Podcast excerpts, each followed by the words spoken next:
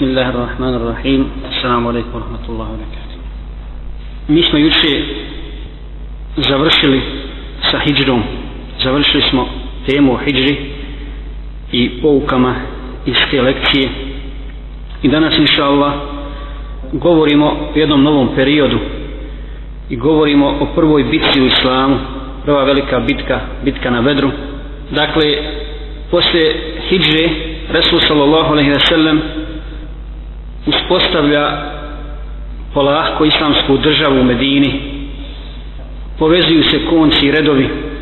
Međutim to nije bio razlog to iseljenje nije bilo dovoljan razlog da i mušici ostave na miru da ih puste da slobodno pozivaju da šire islam da šire vjeru da šalju daje i tako dalje dakle to je običaj svih nevjernika. Oni neće ostaviti vjernika nikada na miru bez obzira kako on postupao i šta on radio.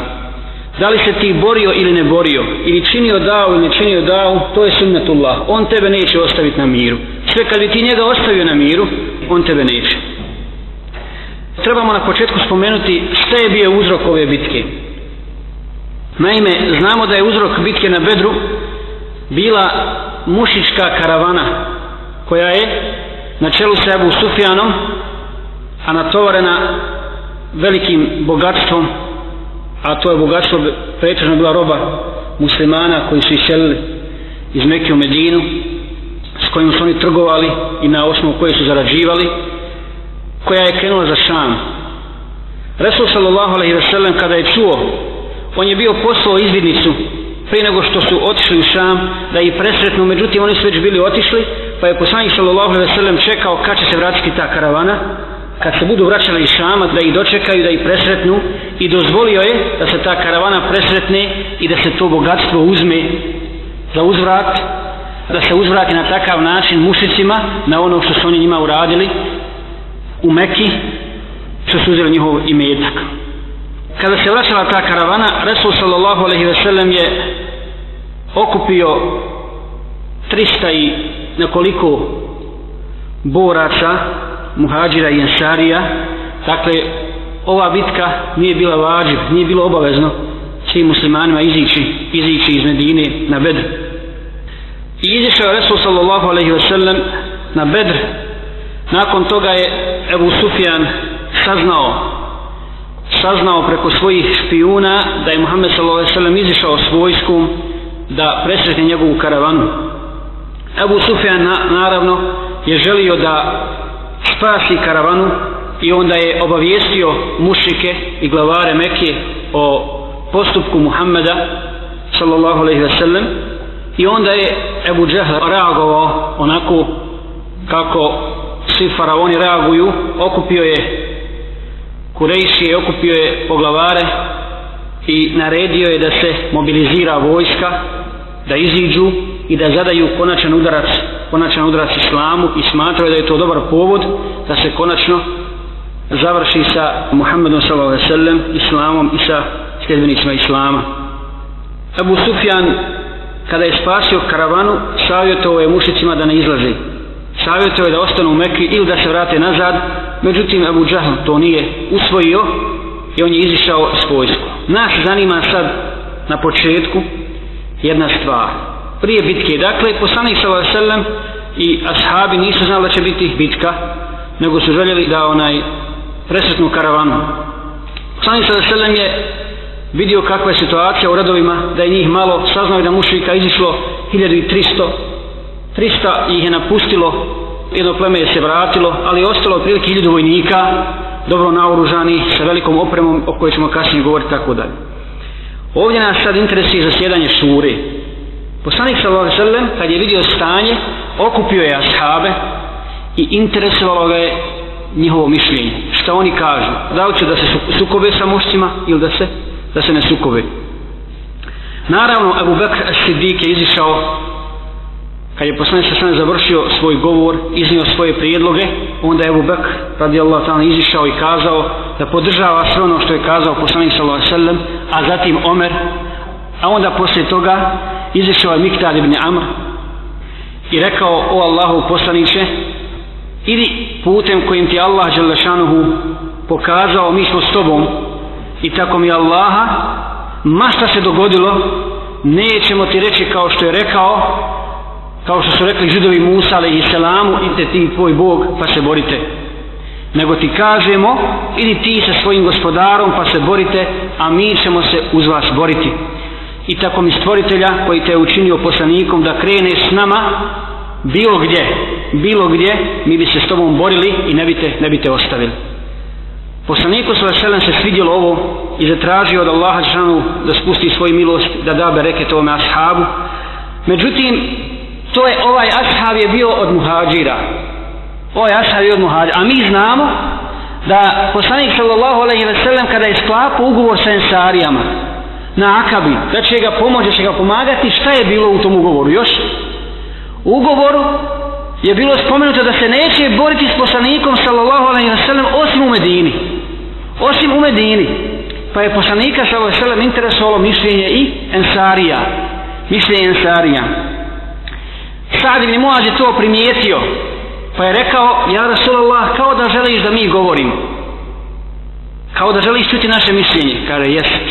Pa je rekao Sa'd nemamo mi šta govoriti. Mi smo sve rekli onda kada te prizna smo za Allahovog poslanika i kada potvrdismo objavu koju ti prenosiš od Allaha Đalešanuhu i kada primismo Islam. Kada smo ti dali prisegu na vjernost idi Allahu poslaniče kuda želiš jer tako mi stvoritelja kada bi nam se ispriječilo čak i more pa ti krenuo preko tog mora i mi bismo krenuli s tobom Dakle, to su reči Sa'd ibn Muaza koji su oduševile poslanika sallallahu alaihi wa sallam, jer poslanik sallallahu alaihi wa sallam, kako će vidjeti kasnije, kad budemo nabrajali neke pouke, nije želio da Ensarije tjera u borbu. Nije je bilo negdje oko 80 i da su oni napustili, onda bi se puno smanjili ti redovi. Dakle, ostalo bi, ostalo bi onaj 200 ljudi da se suprostavi hiljadu mušrika. Dakle, nakon toga, šta se dešava? kada je Resul sallallahu alaihi ve sellem izišao na poprište borbe te velike bitke na Bedru rekao je ja rab izišao su Kurejšije sa svojom konjicom i sa svojom pješadijom i sa svojom snagom želeći da u utiraju tvoga poslanika Allahu moj ispuni što si obećao i pomozi nam s ketibom meleka u ovoj bici protiv mušrika. Resul Sarasen traži pomoć od Allaha Đelešanu. Nakon toga sanja Allah mu objavljuje u snu skoru pobjedu inša Allah i kad se probudio obavještava Ebu Bekra i kaže mu raduj se Ebu Bekra ili hoćeš da te obradujem Ebu Bekre? Kaže obraduj me s čime me možeš ti obradovati nego s dobrim kaže Allah mi je obećao o Ebu Bekre da će mi poslati hiljadu meleka na čelu s Žibrilom koji će s nama učestvovati koji će s nama zajedno u safu boriti, boriti protiv mušrika Allah Đelešanhu to govori i spominje u suri Anfa kad kaže Evo billahi min šeitan rajim إذ تستغيثون ربكم فاستجاب لكم أني ممدكم بألف من الملائكة مردفين i kad ste od gospodara svoga tražili pomoć pa vam se on odazvao Dakle, iz testagithuna rabbakum. Kad ste, dakle, prije istiđave, prije odziva na dovu, je dova, traženje, jeste istig, istigata. Tražio je poslanik sa od Allaha i Allah mu je obećao poslati ketibu meleka. Nakon toga, dakle, govorit ćemo o toj velikoj bitci i o hrabrim borcima koji su izišli iz Medine na čijem čelu je bio Allahov poslanik sallallahu alejhi ve sellem, a kad je on vođa onda nema potrebe za drugim vođom. Hoćemo da se zapitamo, braćo, ovdje jednu stvar. Da povežemo to malo sa našom stvarnošću. Da sve približimo bedra. Većina nas danas zna koliko ima iz Medine do bedra. Iz Medine do bedra ima otprilike 160 km. Bio je Ramazan. Velika vrućina. Daleko. Šta su imali ashabi na čelu s poslanikom sa veselem od prevoznih sredstava? Jesu li imali helikoptere? Jesu li imali tenkove? Jesu li imali migove? Ništa od toga nisu imali. Imali su 70 deva i dva konjanika. Po trojica ljudi su jahali na jednoj devi, na smjene. Da vidimo šta je uradio vojskovođa. Šta je uradio komadant, poslanik sallallahu alaihi wa sallam. Ako su ovi svi jahali po trojica, je li on sebi dao neke privilegije? Je li on kazao ja kao vojskovođa imam pravo da stalno jašim da bi došao odmoran kako bi mogu rasporediti vojsku i tako dalje. Nije vallahi. Rasul sallallahu alaihi wa sallam je jahao zajedno na smjene dakle Saliju i sa Mersadom ibn Abi Mersadom. Mijenjali su se. Kada bi dođe red na jednog od njih, oni bi rekli, ja Rasulallah, nemoj tako. Nemoj silazit, nego ti jaši. Ti jaši, mi nemamo potrebe, mi ćemo voditi devu. Ne želimo da ti silaziš sa devi. Šta im je odgovorio poslanik sallallahu alaihi wa sallam? Kaže Rasul sallallahu alaihi wa sallam, Wallahi, vi niste snažniji od mene. Vi niste izdržljiviji od mene. I vi niste potrebniji od mene Allahove milosti i Allahove nagrade. I ja očekujem za ovo neizmjernu Allahovu nagradu. Dakle, to je poslanik sallallahu alaihi wa sallam, to je vojskovođa, to je uzor. Allah je za njega kaže lekad kana lakum fi rasulillahi uswatun hasana. A usve je kudve, pravi uzor. Uzor, praktični uzor u svemu. Allah Đelešanu nije rekao za Rasula sallallahu alaihi sallam vi u Allahom poslaniku imate uglednog alima imate velikog govornika imate vojskovođu imate filozofa imate ovo ili ono ne, nego vi u Allahu poslaniku imate najbolji uzor onaj koji nešto kaže i prvi, ako je naredba, sam je prvi izvršava. Kako kaže Ali radijallahu ta'ala, u najtežim bitkama mi smo se krili iza poslanika sallallahu alaihi sallam. Kad je bilo najteže, poslanik sallallahu alaihi sallam, kako ćemo vidjeti kasnije u, u, drugim bitkama, on ide prvi, a ashabi to najhrabriji se kriju za njegovih leđa. Allah što nam kaže, lima takulu ne mala falu. Zašto govorite ono što ne radite? To kod poslanika nema, jer je on uzor i najbolji primjer za sve mume do sudnjega dana. I tako je odgojio ashabe, tako je odgojio vojsku koja je izišla tako malobrojna, ali spremna da se sukobi sa širkom, nisu pobjegli.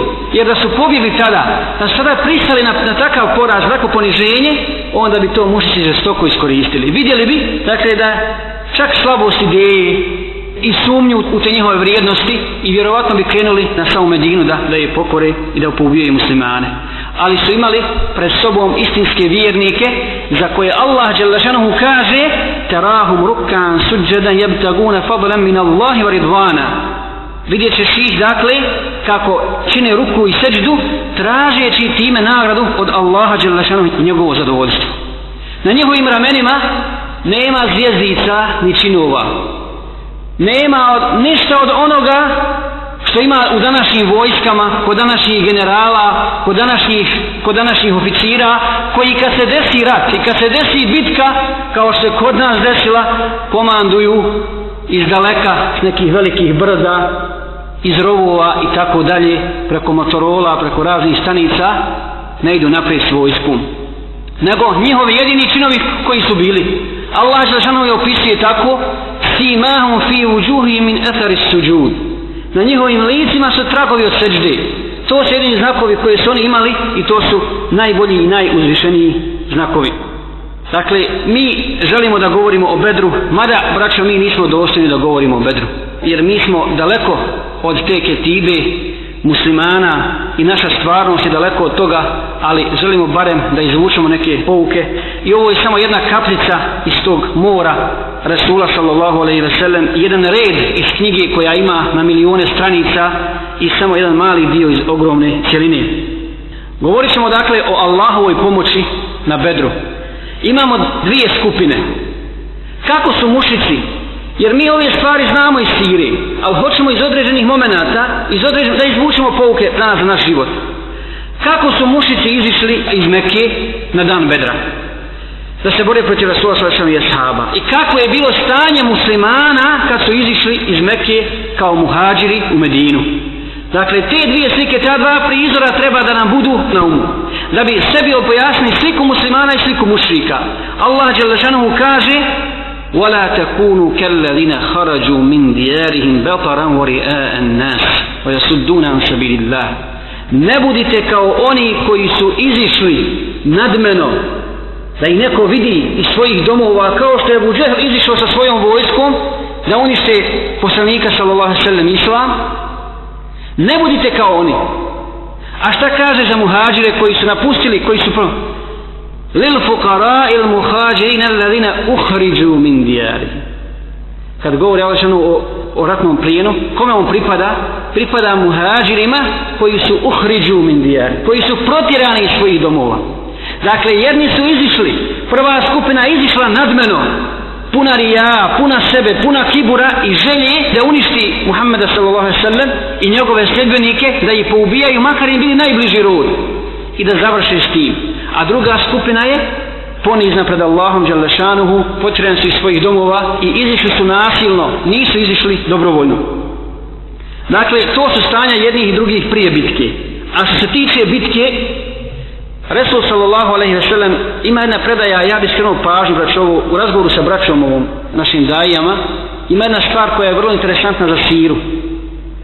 Što ima jako dosta predaja koji su kod nas uobičajene, poznate, koriste se puno, međutim kad je u pitanju sira, nema jasnog tahriđa tih hadisa da se zna tačno ko bilježi ili sahi ili daju tako dalje. Međutim, zato ja upozoravam na sve ove predaje koje mi prenosimo i svi sira koji su napisani. Uzeli smo neke, neke predaje, ali s rezervom ne znamo jesu šta im nisa. Dakle, želja nam je da skrenemo pažnju na tu stvar. Ima jedna predaja u Siri da je Resul sallallahu alaihi wasallam kada je pred bitku, kada je vidio skupinu muslimana i skupinu mušrika u kakvom su stanju halu, da je rekao da traži pomoć od Allaha što i kaže Allahumma innahum džijaun fa at'amuhum gospodaru oni su gladni pa i ti nahrani misleći na muslimane. Allahumma innahum uratun faksuhum. Gospodaru oni su goli pa i ti odjeni Allahumma innahum hufatun fa ahmilhum gospodaru oni su bosi slabi pa i ti pomozi. Dakle to je stanje muslimana. Goli, bosi, slabašni, malobrojni, međutim, čvrstog oslonca na Allaha, Đelešana i ubijeđeni u Allahu, u Allahu pomoć i pobjedu. Na drugoj strani Abu Džehl doveo opremljenu vojsku, jaše na konju, gordo, oholo, i čak, na, čak je naredio da se svaki dan zakolje po devet ili deset deva, pijančenje, muzika, pjevaljke, jer su bili ubijeđeni da je to kraj sa islamom, kraj sa Muhammedom islamom, njegovom davom, njegovom vjerom. Resul sallallahu alaihi ve sellem nije braćo rekao, i to je jedna od povuka koju smo ponavljali ovih dana, nije rekao ja sam Allahov poslanik i mi ćemo sigurno pobijediti Ebu nego je uzeo sve uzroke. Pripremio je, ono što je imao pripremio je i onda se oslanjati na Allaha Đelešanu upućuje njemu dovu i traži od njega pomoć. I počela je bitka. Kako je počela bitka na Bedru? Prvi koji je izišao da se sukobi s muslimanima, zna neko kako se zvao taj čovjek. Kako se zvao čovjek koji je prvi izišao da da se suprostaje muslimanima koji je rekao tako mi Boga ja ću ili otići uništiti one njihove bunareve da su muslimani imali bunar a zato pa se ostale dok me ne ubiju ili dok ja ne izvršim svoj cilj dok ne osvojim taj bunar ili dok ga ne uništim. Taj čovjek zvao se Esed ibn Abdul Esed. Izišao je a prsa su bila puna mržnje prema poslaniku sallallahu alaihi ve sellem a pred njega izišao lav Islama Hamza radijallahu ta'an i tako ga žestoko pukao sabljom da mu je odmah nogu, jednu nogu odsjekao. I on je pužući pužući želio da, da dođe da ostvari svoj cilj. Pogledajte paganskog žara od mušrika. Nema noge, nema noge. Ali on uporno hoće da dođe do tog bunara kako bi izvršio svoj zavjet. I normalno prilazi mu Hamza i onda ga ubija prije nego što je uradio to. Dakle izlazi Hamza Amidža Allahov poslanika i vođa šehida. Čovjek iz te ketibe koje Allah žano opisuje u suri Taube kad kaže la masjidun usisa la takva min awali jaumin a haku an takuma fih fihi rijalun yuhibbuna yatafahharu kaže Allah dželle šanehu koji je sagrađen od prvog dana na takvaluku na bogobojaznosti preči da u njemu obavljaš, obavljaš namaz. I kaže Allah dalje u njemu su ljudi muškarci. Fihi rijalun yuhibbuna yatafahharu to su muškarci koji vole se čiste. Vole da čiste svoju dušu od svega što, je, što, što ne valja i vole da čiste svoja tijela interesantno da Kur'an mnogo puta spominje te muškarčine. Istinske, istinske mu'mine, istinske vjernike. Kakvi su, kakvi su bili ashabi. Kad kaže Allah žanu minel mu'minine rijalun od vjernika, od mu'mina ima muškaraca. Allah žanu ne upotrebljava džab ovaj izraz rijal muškarci. Ili riđarun la tulhihim tiđaratun vala bejun an zikrillah. Muškarci ne kaže ovdje mu'min nego muškarci koje ne sprečava trgovina da spominju i veličaju Allaha Đalešanuhu dakle to su muškarci to su ljudi koji je odgojio poslanik sallallahu alaihi ve sellem i koji su sa njim zajedno vodili bitku protiv mušika. Postoji jedna predaja za koju se također ja ne znam je li ispran, je li sahil da da će ovaj Esed ibn Abdul Esed biti prvi čovjek na sudnjem danu kome će biti data knjiga u lijevu ruku. Njegovi dijela u lijevu ruku što ćemo najaviti konačnu propast i vječan boravak u džehennemu. Kada je počela posle toga bitka izišao je Abu Džehl i sa njim trojica. Utbe ibn Rebija, Šejbe ibn Rebija i Velid ibn Utbe. Pa je rekao Abu Džehl, o Muhammede, izvedi trojicu svojih da se sukobe s našom trojicom. Pogledajte, braće, sad ovdje kako postupa poslanik sallallahu alaihi sallam. Ensarije su već pristale. Pristale da iziđu s poslanikom sallallahu alaihi sallam u borbu. Nema više dvojbe. Međutim, željeli su da iziđu. Bile su izišla trojica Ensarija. Abdullah ibn Ravaha i još dvojica Ensarija su izišla se da se suprostave njima. Poslanik sa šalim i povlači. Kaj ne. Ne vi. Nećete vi. Nego poziva koga? Poziva Hamzu, Aliju i Ubejdu ibn, ibn Harisa. Hamzu svoga Amidžu, Aliju Amidžića i također drugog Amidžića, sin poslaniku Amidže Ubejdu ibn, ibn Harisa. Najbliže svoje rođake. Njih poziva da oni iziđu na dvoboj. Ovo je vrhunac mudrosti. Nije pozvao nikog drugog. Da bi ovi drugi mogli kazati zaštitio je svoje rođake. nije zaštitio i stavio je tamo negdje u pozadinu. Nego ovo je primjer svima nama. Primjer istinske pravednosti. I poziva ih da ustane da krenu prema džennetu inša Allah koji je širok koliko nebesa i zemlja. Dakle, nema krvnih veza, nema srostva, nema plemstva, nema ništa od, od toga, nego iziđite u boj, jer zaista je nagrad od Allaha Đelešanuhu velika. Pa je Hamza se sukobio sa šejbom i ubio ga, ali je usmrtio Allahom voljom vedredbom Velida ibn Utbeta, a Ubejd je bio ranjen i nakon toga su ga odnijeli ranjenog i spustio je dušu u krilu poslanika sallallahu alaihi ve sellem.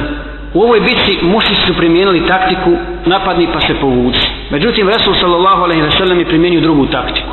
Primijenio je taktiku čvrstog safa. Čvrst saf čija je glavna deviza bila ahadun ahad. Jedan je Allah. I nema jače devize od te. I to je bila garancija inša da će, da će uspjeti da će pobijediti mušrike. Resul sallallahu alaihi ve sellem se pouzdao onoga koji je podigao nebesa bez stubova pa je u trenutku bitke rekao gospodaru ispuni obećanje gospodaru ako ova danas skupina bude poražena neće ti imat ko činiti seždu seždu na zemlji. To je za nas ako umru ovi. Ako oni izginu to su jedine muslimani na zemlji danas. Nema istinskih muvahida osim njih osim ovih 300 13 ljudi oni normalno koji su ostali ostali u Medina ako budu ovi poraženi i ima dole se ne piše dobro. Pa je Allah Đalešanuhu poslao svoju pomoć i u suri Anfal kaže أعوذ بالله من الشيطان الرجيم إذ يوحي ربك إلى الملائكة أني معكم فثبتوا الذين آمنوا kada je Allah što objavio melekima ja sam s vama pa učvrstite vjernike učvrstite one koji vjeruju pogledajte ovog izrada Allah što kaže ja sam s vama zamislite vojsku s kojom je Allah Đelešanu s kojom je gospodar svjetova može li ta vojska izgubiti? Dakle s tom vojskom nije bio Javier Solana ni Clinton ni, ni Aleksandar Veliki ni bilo koji drugi vojskovođa nego gospodar svjetova ja sam s vama. I u istinu kako kaže imam Kurtubi to se ne odnosi samo na poslanika sasvim na sahabe nego neće se nikada kaže sukobiti ni jedna skupina muslimana protiv širka i protiv kufra a da Allah neće poslati meleke u pomoć muslimanima i da Allah neće biti s njima. A Resul sallallahu u svom hadisu kaže neće nastupiti sudnji dan dok se ne sukobite sa židovima. Tako da će i drvo i kamen govoriti o musliman evo židova ubiga neće biti poslanika. Ali muslimani će normalna stvar bit će Isa i Selam bit će Mehdi ali Dakle, to je dokaz da, da su meleki ili ketive meleka uvijek uz muslimane i da oni pomažu muslimane protiv mušrika. I to koga je Allah poslao? Ko je bio na čelu ketibe ovih meleka? Bio je Džibril. Allah Želešanu je mogao poslati Mikaila, mogao je poslati Israfila, mogao je poslati bilo kojeg drugog meleka. Međutim, Allah je poslao Džibrila koga je Allah opisao kako? Innehu la qavlun rasulin kerim, zi kuvatin inda zil arši mekin, muta'in thamma amin. Dakle, on je govori za Kur'an da je on govor plemenitog izaslanika dakle Melek Džibril dostavlja objavu poslaniku sallallahu alaihi sallam. Allah za njega govori da je on posjednik snage i da on ima toliko i toliko krila da će on biti na čelu te ketibe Meleka. I šta se desilo? Kada je Džibril došao sa ostalim Melekima na poprište borbe šta je prije toga bilo? Iblis je došao u liku surake jednog od mušika i nagovarao i da iziđu u borbu. Nagovara se bore. Međutim, kada je vidio Džibrila, kada su sablje počele da sjevaju, kada su glave počele da padaju, kada su ljudi počeli da gaze po krvi, kada zemlja počela natapati krvlju, Iblis je vidio opasnost. Nije mogao da izdrži, da dočeka Meleka Džibrila, koji je bio na čelu ove ketive Meleka, pa je rekao šta? فلما تراءت الفئتان نكص على عقبيه وقال إني beri'um minkum. Inni ara ma la taraun inni akhafu Allah rabbal alamin. Kaže kada se sukobile dvije vojske onda Iblis rekao šta? Ja se vas odričem. U ljudskom liku je bio pa su ga upitali neki od njih kud bježiš? Ka ja se vas odričem ja vidim ono što vi ne vidite. Ja se bojim Boga. Sad se Iblis boji Boga i bježi sa bojnog polja.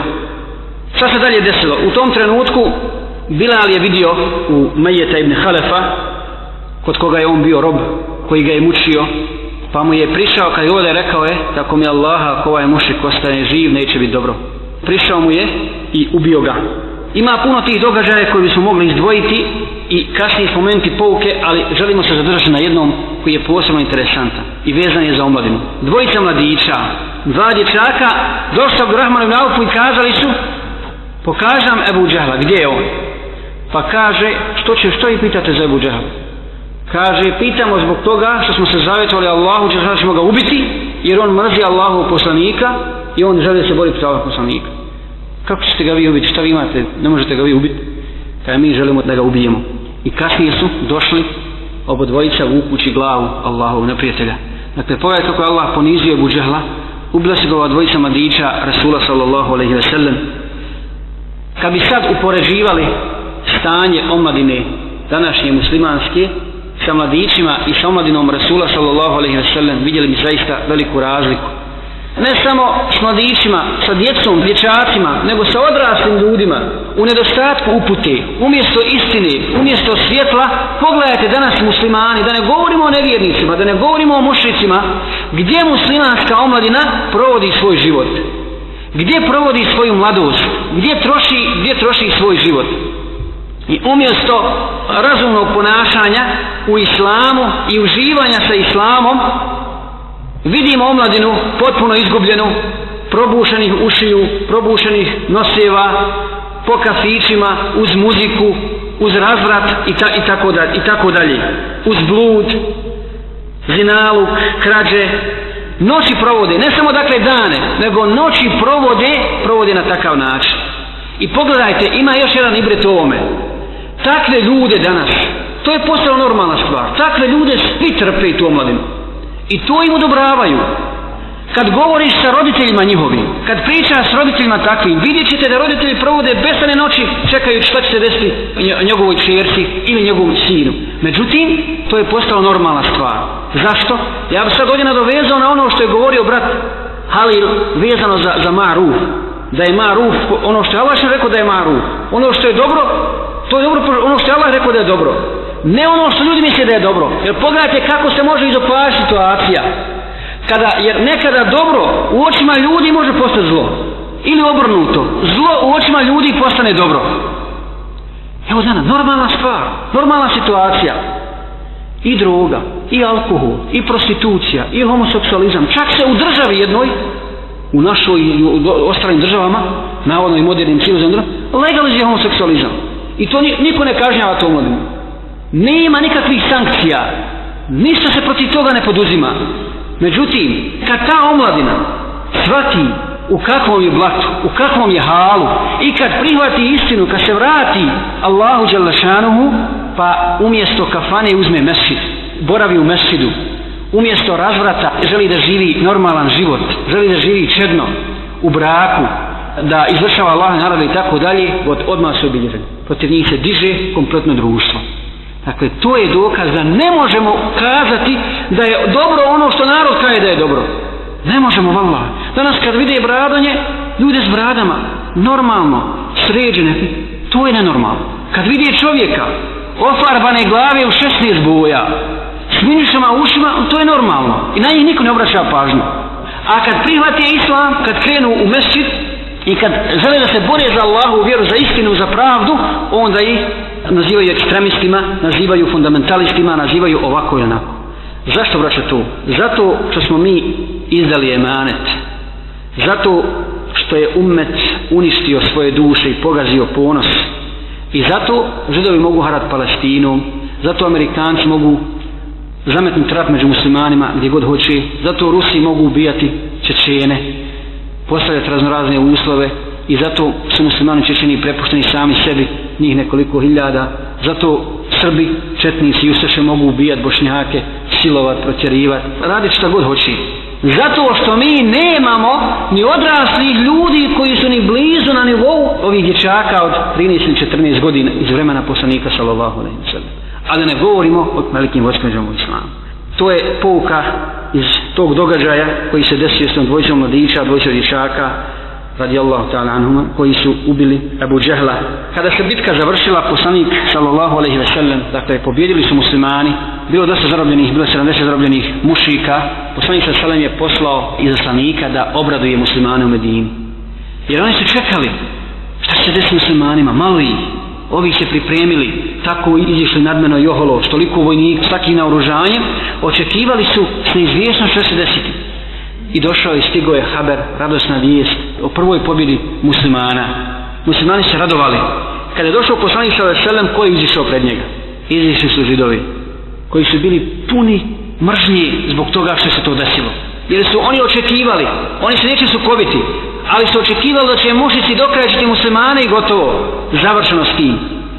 Izišli su pred poslanika sallallahu alaihi ve sellem i rekli su mu, nemoj se Muhammede puno radovati. Što te raduje to što si porazio nespretnjakoviće i nesposobnu vojsku? Da li ste se s nama sukobili ili kad se s nama sukobite, vidjet ćete što je rat i što je borba i što su pravi vojnici. Allah Đelešanu odgovara im قل للذين كفروا ستغلبون وتحشرون إلى جهنم وبئس المهاد reci nevjernicima, reci židovima, bit ćete poraženi i u džehennemu okupljeni a ružno je to boravište. U džehennemu okupljeni svojim mušicima koji su, bit ćete poraženi kao oni i bit ćete s njima zajedno okupljeni u džehennemu. A to je zaista ružno boravište. I ovi ljudi su, ova prva generacija bili uz Allaha pa je Allah bio uz njih i znali su za Allaha pa je Allah znao za njih. Čuvali su emanet, čuvali su objavu. I Allah Đelešanu je pomogao i radili su po toj objavi pokoravali se poslaniku sallallahu alaihi wasallam. To je bilo ukratko o bitci, sada bi samo ja spomenuo još nekoliko pouka iz ove bitke. Iz knjige Hadal Habib, ja muhib od Abu Bakra al-Jazairija on je zaista poredu neke stvari vrlo dobro i na kraju svake lekcije spominje određene pouke ukratko prva stvar i prva pouka koju možemo izvući iz ovoga dakle kad budemo čitali o bitci na bedru jeste Allahov zakon sunnatullah da se kazna ili grijeh koji neko počini da se uzraša istom mjerom. Muslimani su protjerani iz Mekke, što su htjeli da učinje s tom karavanom, nije nikakav zulum, ni nikakvo nasilje, nego je to pravda, to je propis Islama. Dalje, druga stvar, uzimanje islamskog principa i njegova primjena u praksi, a taj princip je, Allah što objavio u Kur'anu kada je rekao, udine lillazine yuqatiluna bi ennehum zulimu, wa inna Allahe ala nasrihim laqadir. Dozvoljava se borba onima kojima je zulum učinjen jer Allah je zaista moćan da ih pomogne. Sljedeća stvar propisivanje šure od strane Allaha Đelešanu dogovornog vijeća gdje se muslimani dogovaraju i ovo je vađiv među muslimanima Resul sallallahu alaihi ve sellem nije htio sam da riješi to Pogledajte kako okuplja i kako nas uči kako treba da se dogovaramo o svim pitanjima, a posebno o važnijim pitanjima koja su od opstanka nas, našeg džemata, našeg pokreta. Dakle, nije htio sam da iziđe na bed i da on predloži, mada mu je Allah ukazao na pobjedu. Jedno od dvoje će dobiti, ili karavanu ili bitku. Ali on okuplja ashabe s njima se savite da vidi njihovo mišljenje, što oni misle o tom. Dalje, iz ovoga možemo zaključiti, izvući pouku o obaveznosti čuvanja ugovora o kakvim se ugovorima radi. O ugovorima sa ensarijama. Sa sallallahu kad je sklapao s njim ugovor, dakle nije traže učestvuju u bici, osim u Medini ako budu napadnuti. I nudi im sada to. Traži njihovu riječ da vide hoće se taj ugovor promijeniti ili neće. Da su oni rekli nećemo izići u bun, poslanik sa pošto od ugovor. Pošto bi bilo od njih. Mi ne izlazimo dok ne budemo napadnuti Medin. Tako su se dogovorili, tako smo potpisali, potpisali ugovor i na to smo se zakleli.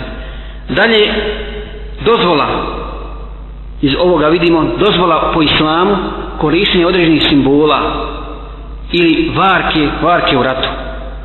Nisam spomenuli taj slučaj, ali znamo o čemu se radi. Kada je poslanik sada selem izišao sa Ebu Bekrom u izvidnicu, sredećenoga mladića, kojega su Kurejšije poslale da vide gdje je poslanik sa selem, pa je on pitao za Kurejšije gdje su, kaj, pa je poslanik rekao, kaže ti, ko si ti, pa ćemo mi tebi kazi, sigurno ko smo mi.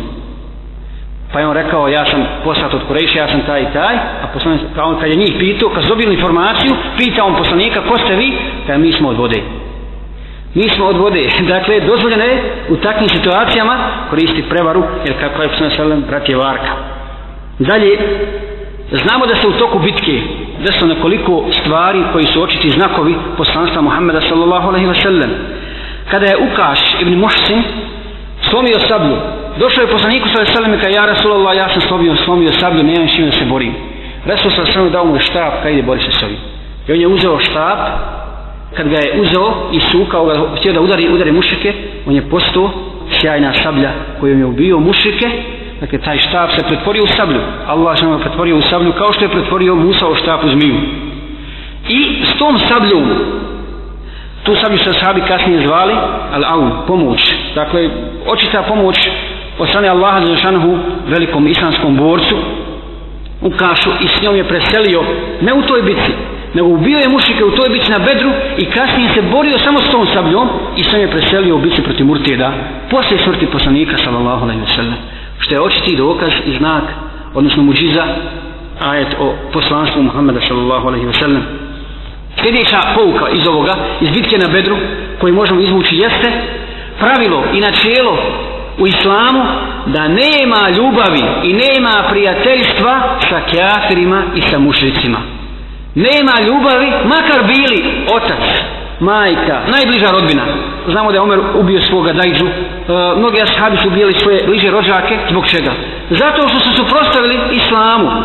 Islam je najuzvišeniji princip. On je iznad svega. To je Allahova vjera. I onaj ko neće da ide tim putem, ko se poslaniku ne pokorava, putem njega se bori i s njim se neprijateljuje u ime Allaha Želešanuhu ma koliko po krvnom srostu bio nama blizak. Dalje vidimo isto tako muđizu poslanika sallallahu alejhi ve sellem nakon njegove dove slanje meleka i njihovo učestvovanje u bitci. Kad je Abbas bio zarobljen u toj bitci, Amidža poslanika sallallahu alejhi ve sellem, jedan od ashaba je rekao ja sam ga zarobio. Šta je Abbas rekao? Nisi vala nego me je zarobio jedan izrazito lijep čelav mladić koji ne vidim u vašoj vojsci. Nikad nisam dotad vidio tako lijepog mladića, a nema ga u vašim safovima. Dakle, to je dokaz da su meleki direktno učestvovali u toj bitci.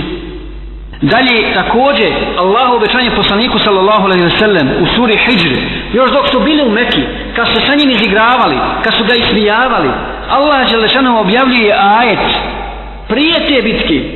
Inna kefejna kel mustahziin mi smo ti dosta ili mi ćemo te pomoći protiv onih koji se smijavaju s tobom. Oni će sigurno biti poraženi. I taj dan padaju svi glavari.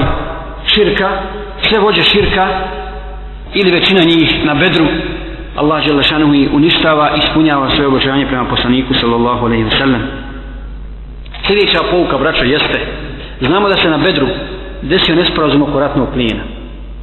Kako podijeliti ratni plijen i došlo do malih nesporazuma među ashabima? I ashabi su tim složili. I ovo je dokaz i pouka za nas da u svim sporovima, ma kako oni bili mali ili veliki, u svim sporovima, ako smo iskreni prema Allahu Đelešanu i njegovom poslaniku sallallahu sallam, da se vratimo Kur'anu i sunnetu. Kad god između nas izbije nesporazum, a toga će biti stalno. Mi nismo veliki. Kad gledamo život ashaba, i čak iz, iz najvećih fitnijih koji se događaju među ashabima, mi moramo izmući pouku. To je dokaz da su oni ljudi. Da su oni prije svega ljudi ali šta, šta ih štiti, šta brani to, šta sprečava da se, da se ta fitna ne proširi i da se ne pocijepa muslimanski stav. Iman, imanska veza i vraćanje Kur'anu i sunnetu. Koliko je puta onaj džahilijetski žar progovorio u njima? Kad dolazi onaj židov, pa posjeća na dan Buasa, pa posjeća na dan bitke Ensarije, onaj Hazređ, ashabi iz Hazređa iz Evsa, posjećaj na to. I sukuju sablje, posjeća se bore. Međutim, kaže Psalm sebe, znači se vratu džahilijet, ja sam vraćaju se. Može se desiti greška, ali brzo se vraća opet u kolotečinu. Dakle, može do svači, do nesporazuma, ali vra, ovo je princip vallahi vrlo bitan. Ova šura koju smo spomenuli na početku je ovaj princip vraćanja Kur'anu i sunnetu. Nemoj svoje lično ubacivati. Nemoj. Kad se kaže rekao je Allahov poslanik sallallahu alejhi ve sellem nema ti šta da dodaješ. Nema ti šta da dodaješ. Nemoj svoj razum uključivati i posebno nemoj svoju strašu. jer to je dokaz i to je znak zabude i znak neuzbillahi nifaka. Dalje jedna od pouka jeste vrijednost Omera radijallahu ta'ala u čemu? kada su zarobljeni mušici njih 70 Resul sallallahu alejhi ni tada neće da odstupi od pravila šure i dogovora. I pita sahabe šta bi bilo najbolje da učinimo s njima sa zarobljenicima pa Ebu Bek kaže ne, ja ih ne bih ubijao. Ja ih ne bih ubijao nego bi uradio tako i tako. Znamo što je posle toga uradio. Kaže Omer ne. Danas treba da se pokaže al-vala al-bara ljubav i mržnja ime Allaha Đelešanu da u našim srcima ne ostane ni trunke sumnje u to da, da ti voliš njega zato što ti je nešto u srcu a on mušik nego da ih svi poubija. Sve poubija. Resul sa sam se nije složio s tim. Složio se s mišljenje Abu Bekra i tako i postupio. Međutim Allah je žena objavljuje ajet. Ma kane nebijen je kuna lahu asra hatta yuthina fil ard. Nije dozvoljeno poslaniku da uzima roblje dok ne izvojuje pobjedu na zemlji.